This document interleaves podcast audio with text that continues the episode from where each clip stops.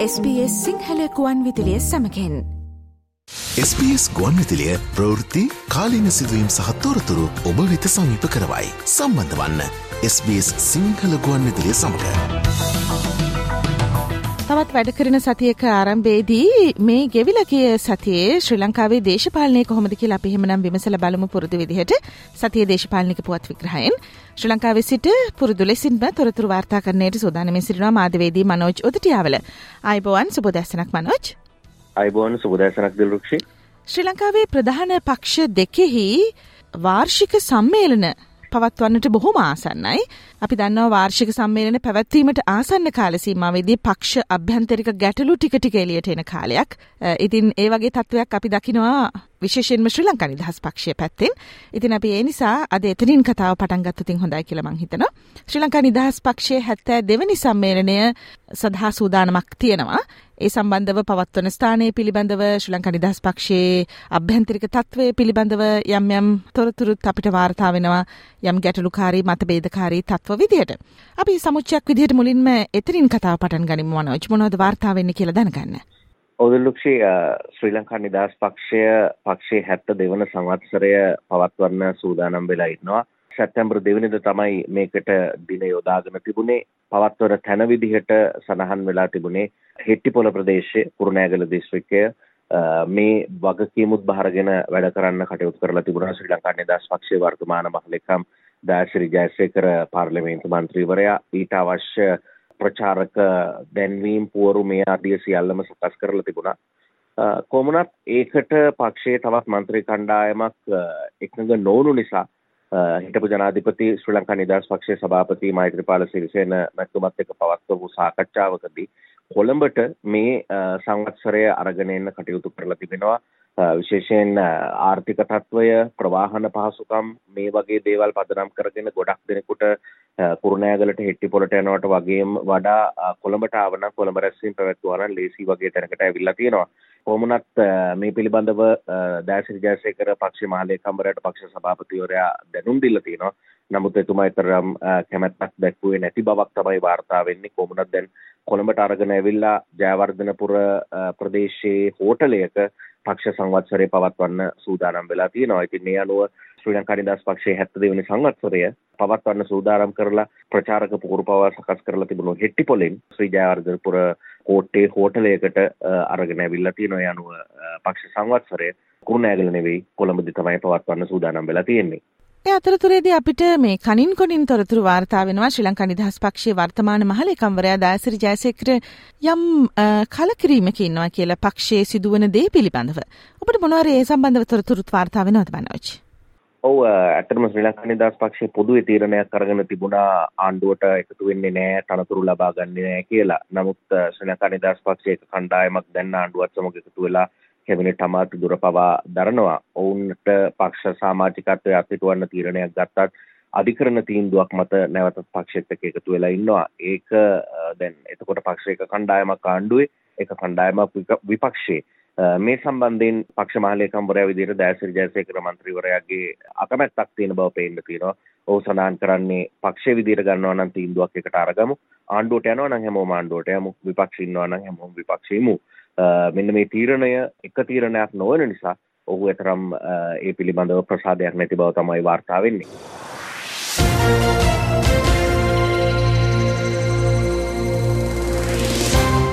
එතකොට මේ එක්සත් ජාතික පක්ෂයේ හැත්තෑ හත්වනි මහ සම්මේලනය සඳහත් සූදානම් වෙමින් තියෙනවා. ඒ පැත්තෙන් අපිට මොනවද වාර්තාවන තොරතුරු. එක්සත් ජාතික පක්ෂයත් මෙවර ඔවුන්ගේ සංවත්සරය ටිකක් ඉහලින් සමරන්න සූදානම් වෙලා හිටියා. මොකද පක්ෂයක් විදිහට යම් බිඳ වැටීම් එක්ක ඉඳලා මැතිවරණ පරාජයට පත් වෙලා නමුත් දැන් මේ වෙනකොට එක්සත් ජාතික පක්ෂයේ නායකයා රටේ නායකයා විදිහට පක්ෂයට ටිකක් පණක් ගන්න ටිකක් ඒ හින්දා මේ වෙලාවේ ස්ථාවරව පක්ෂයේ විදිහට සංවත්සරය සමරන්න සූදානමින් ඉන්නවා. මුලින්ම සූදානම් කරලා තිබුණේ වාර්තා වෙන විදිහට සුගතදාස ක්‍රීඩාංගණය.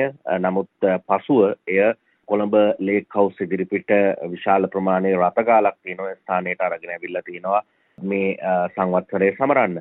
කොමුණක් මෙහි තියෙන විශේෂත්වය වෙන්නේ පක්ෂයේ මෙවර සංවත්සරයේදීම තනතුරු කීපයක් අවශ්‍ය කරන්න තීරණය කරලා තියෙනවා පක්ෂයේ නියෝජ්‍ය නායක උපනායක ජාතික සංවිධායක මේ වගේ තනතුරු කීපයක් අහෝසි කරන්න සූදානම් කියලා වාර්තා වෙනවා. පක්ෂ නායක මහලේකම් සභාපති භාණ්ඩාගාරික තනතුරු විතරක් තවදුරටත් තියාගන්න පුළුවන් විදිහට පක්ෂ ව්‍යවස්ථාව සංශෝධනය කරන්නත් සූදානම් වෙනවා කියලා වාර්තා වෙනවා. ඉතින් මේ අනුව පක්ෂයේ විධායක සභාවේ බලය වැඩි කරන්නත් යෝජනා වෙලා තියෙනවා. පක්ෂ නායකත්වය කෘත්‍යාධිකාරී මණ්ඩලයෙන් තෝරා ගන්න ක්‍රමයක් යටතේ පක්ෂ නායකත්වය තෝරාපත් කර ගැනීමේ ක්‍රමවේදයක් වෙනස් කරන්න සූදානම් වෙලා තිනවා. ඉතින් මේ පිළිබඳව සාකච්ඡා කරන අවස්ථාවකදී රනිල් ක්‍රමසිංහ ජනාධිපතිවරයා අහලා තිනවා පක්ෂයෙන් පක්ෂ නායකත්වයේ වෙනස් වීමක් අවශ්‍යද කියලා. කාලයක් තිස්සේ එක්සත් ජාතික පක්ෂ නායකත්ව වෙනස් වීම ගැන සාකච්ඡා කරපු නිසා නමුත් එතන හිටපු අය hina වෙලා ප්‍රතිචාර දැක්වුවා මිසක් ඊට අදහස් දැක්වීමක් කරලා නැහැ පක්ෂ නායකත්වය වෙනස් විය යුතුයි කියලා. කොමුණත් එමනම් තනතුරු කිහිපයක් වෙනස් වෙලා ඒ සඳහා පක්ෂ යෝජනා කරලා පක්ෂ සංවත්සරය කොළඹදී පවත්වන්න සියල්ල සූදානම් කරලා තියෙනවා.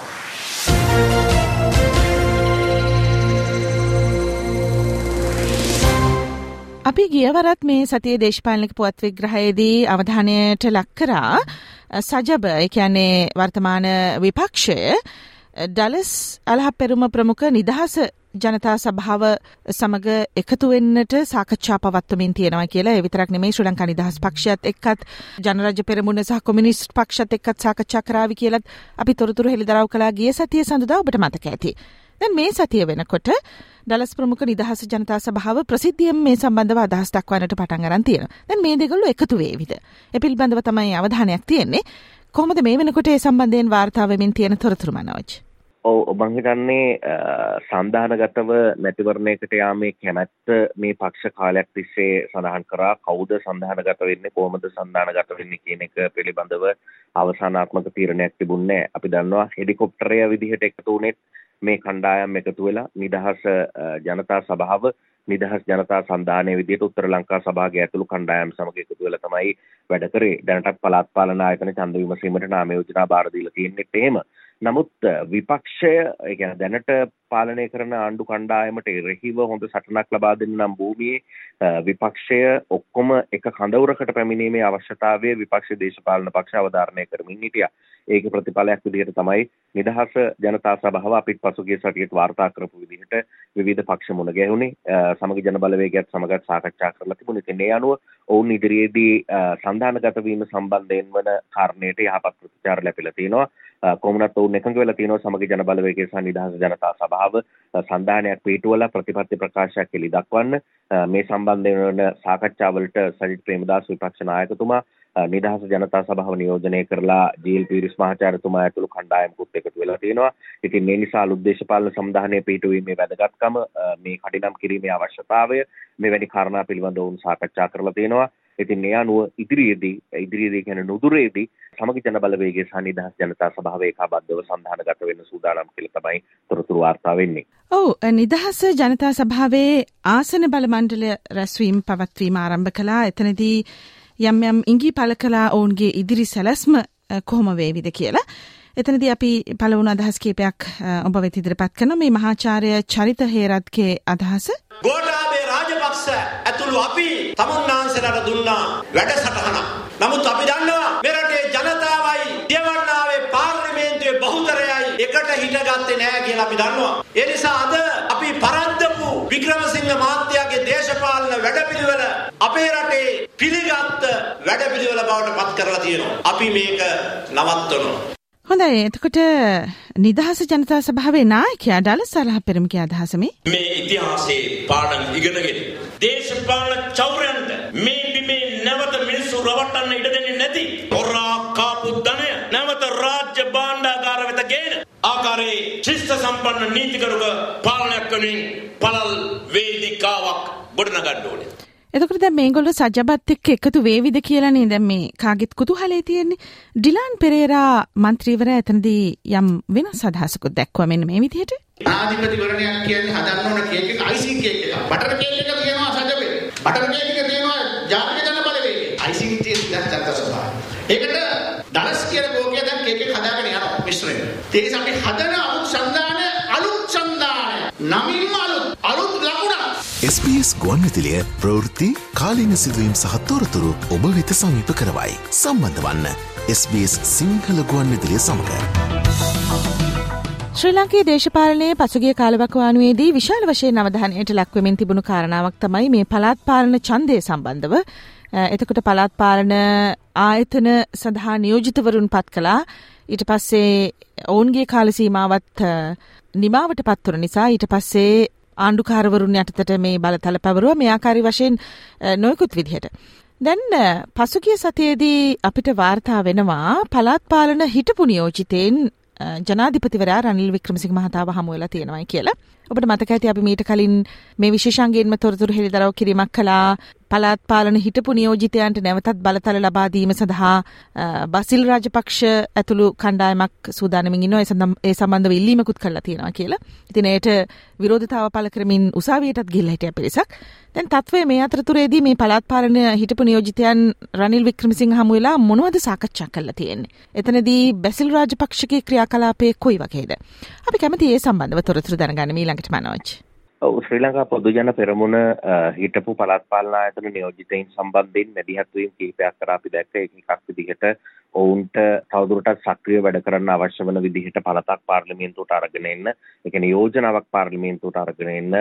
ජයන්ත කඩගොඩ මන්ත්‍රීවරයා කතා කරා. ඒක ටිකක් ආందోලනයට ලක් වුණා.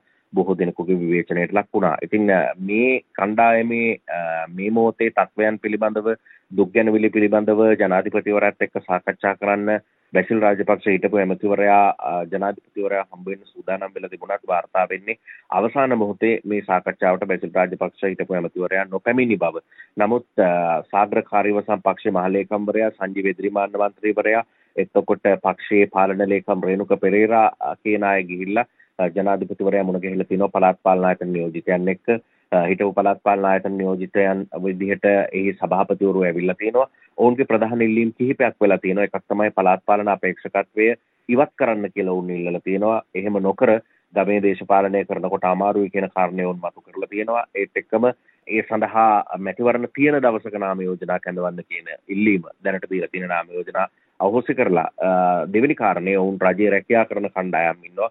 ඔවුන් සම්බන්ධයෙන් විශේෂ අවධානයකුත් තිබුණා ඡන්ද ඉල්ලන්න නාම යෝජනා දීලා තිද්දී ඔවුන්ට ගිහිල්ලා රස්සාව කරන්න බෑ. ඒ හින්දා ඒ සම්බන්ධෙනුත් ඔවුන්ගේ දුක් ගැනවිලි ඔවුන් ඉදිරිපත් කරලා තිබුණා. ඉතින් මේ අනුව ඒ පිළිබඳව ජනාධිපතිවරයාත් එක්ක සාකච්ඡා කරලා තියෙනවා. බලමු ගන්න තීරණ මොනවද කියලා. නමුත් මේ සඳහා මූලික වෙලා සහභාගී වෙන්න හිටපු බැසිල් රාජපක්ෂ පක්ෂයේ ජාතික සංවිධායකවරයා පක්ෂයේ නිර්මාතෘවරයා මේ අවස්ථාවට සහභාගී නොවුණු බව තමයි වාර්තා වෙන්නේ.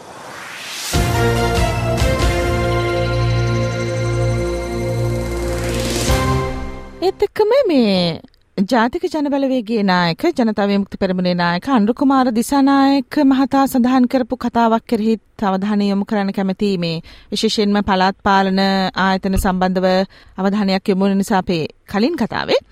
ඔහු යම් තර්කයක් ගෙනේනවා. දැන් පළාත් පාලන නැත්තම් මොකටද දහතුන්වෙනි සංශෝධනයක් කියලා මේක ටිකක් අවධානයට ලක් කළ යුතු කාරණාවක්.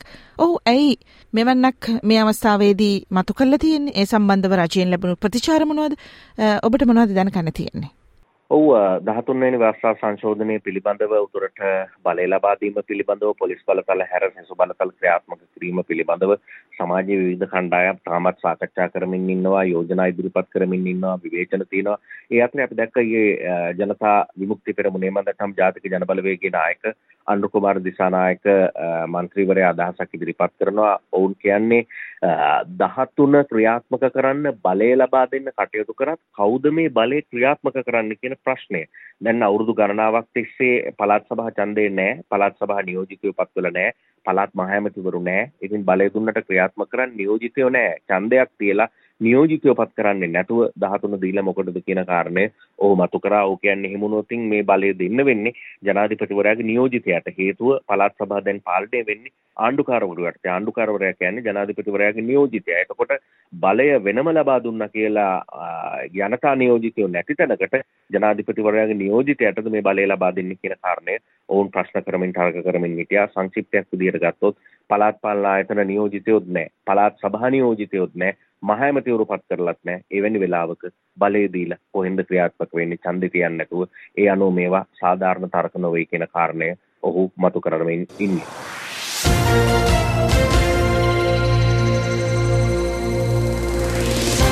අද සාකච්ඡාවේ අවසාන අවධානය නිමල්ලන්සා ප්‍රමුඛත්වයෙන් පිහිටවන්නට යන මේ අලුත් පක්ෂය මොකක්ද සහ ඒ සම්බන්ධව ගොඩනගෙන වටපිටාව කොහොමද කියලා අපි දැන් සති කිහිපයක් තිස්සේ මේ සම්බන්ධව ඉඟි ලබා දෙමින් ඉන්නේ පසුගිය සතියේදීත් කතා බහ කළා ලංසාගේ මේ සන්ධානයේ පිහිටුවීමේ තවත් පියවර කිහිපයක් සහ තීන්දුව කිහිපයක් පිළිබඳව දැන් මේගොල්ලෝ නැවතත් හමු වෙලා තියෙනවා මේ ගෙවිලා ගිය සතියේ එතකොට එතනදී මොකද වෙලා තියෙන්නේ? කවුද ඇවිල්ලා තියෙන්නේ? මොනවද ගත්ත තීන්දුව తీරන? එතකොට මොකක්ද මේ වෙන්නේ යන්නේ? මේක පිටිපස්ස රනිල් ඉන්නවද?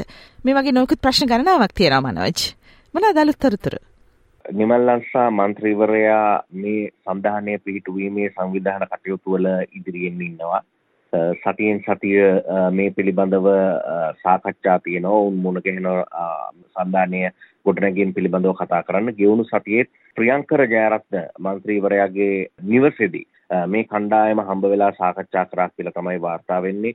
අ, මේ වෙලාවේ අ, ආණ්ඩුවේ ඇමති අ, දූරදරණ කණ්ඩායමකුත් මේ අවස්ථාවට සහභාගී වෙලා තියෙනවා. අ, ඔවුන් කියලා තියෙන්නේ අ, මේ සන්ධානය බැසිල්ගේ වැඩක් කියලා පොහොට්ටුවට අ, යම් අදහසක් තියෙනවා. එහෙම කතාවක් යනවා.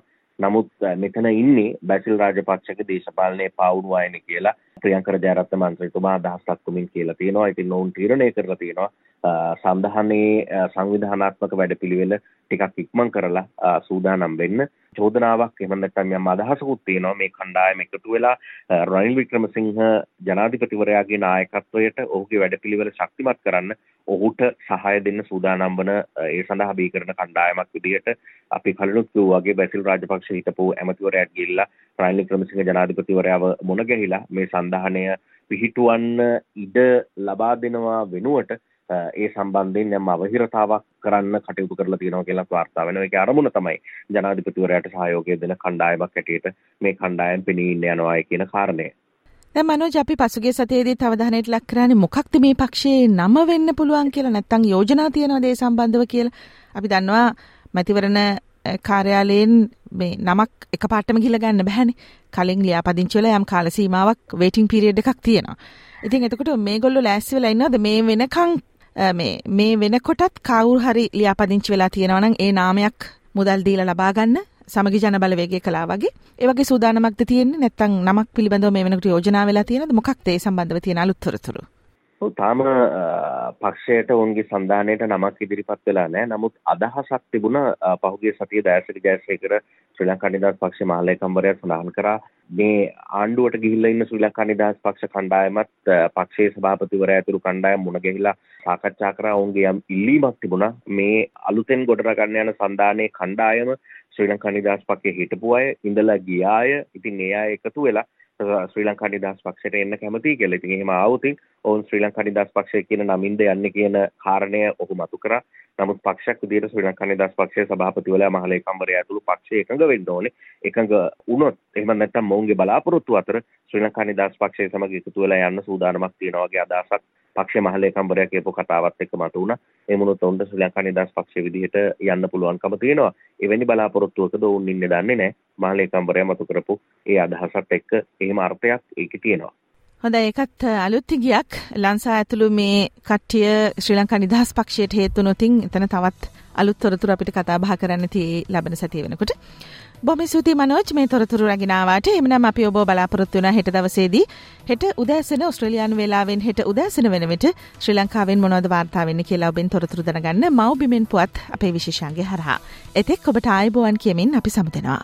මම ස්තුති දිල්ලු ක්ෂේම නම් හෙට හමු වන බලාපොරොත්තු අපි සමුගන්නවා ආයිබෝවන්.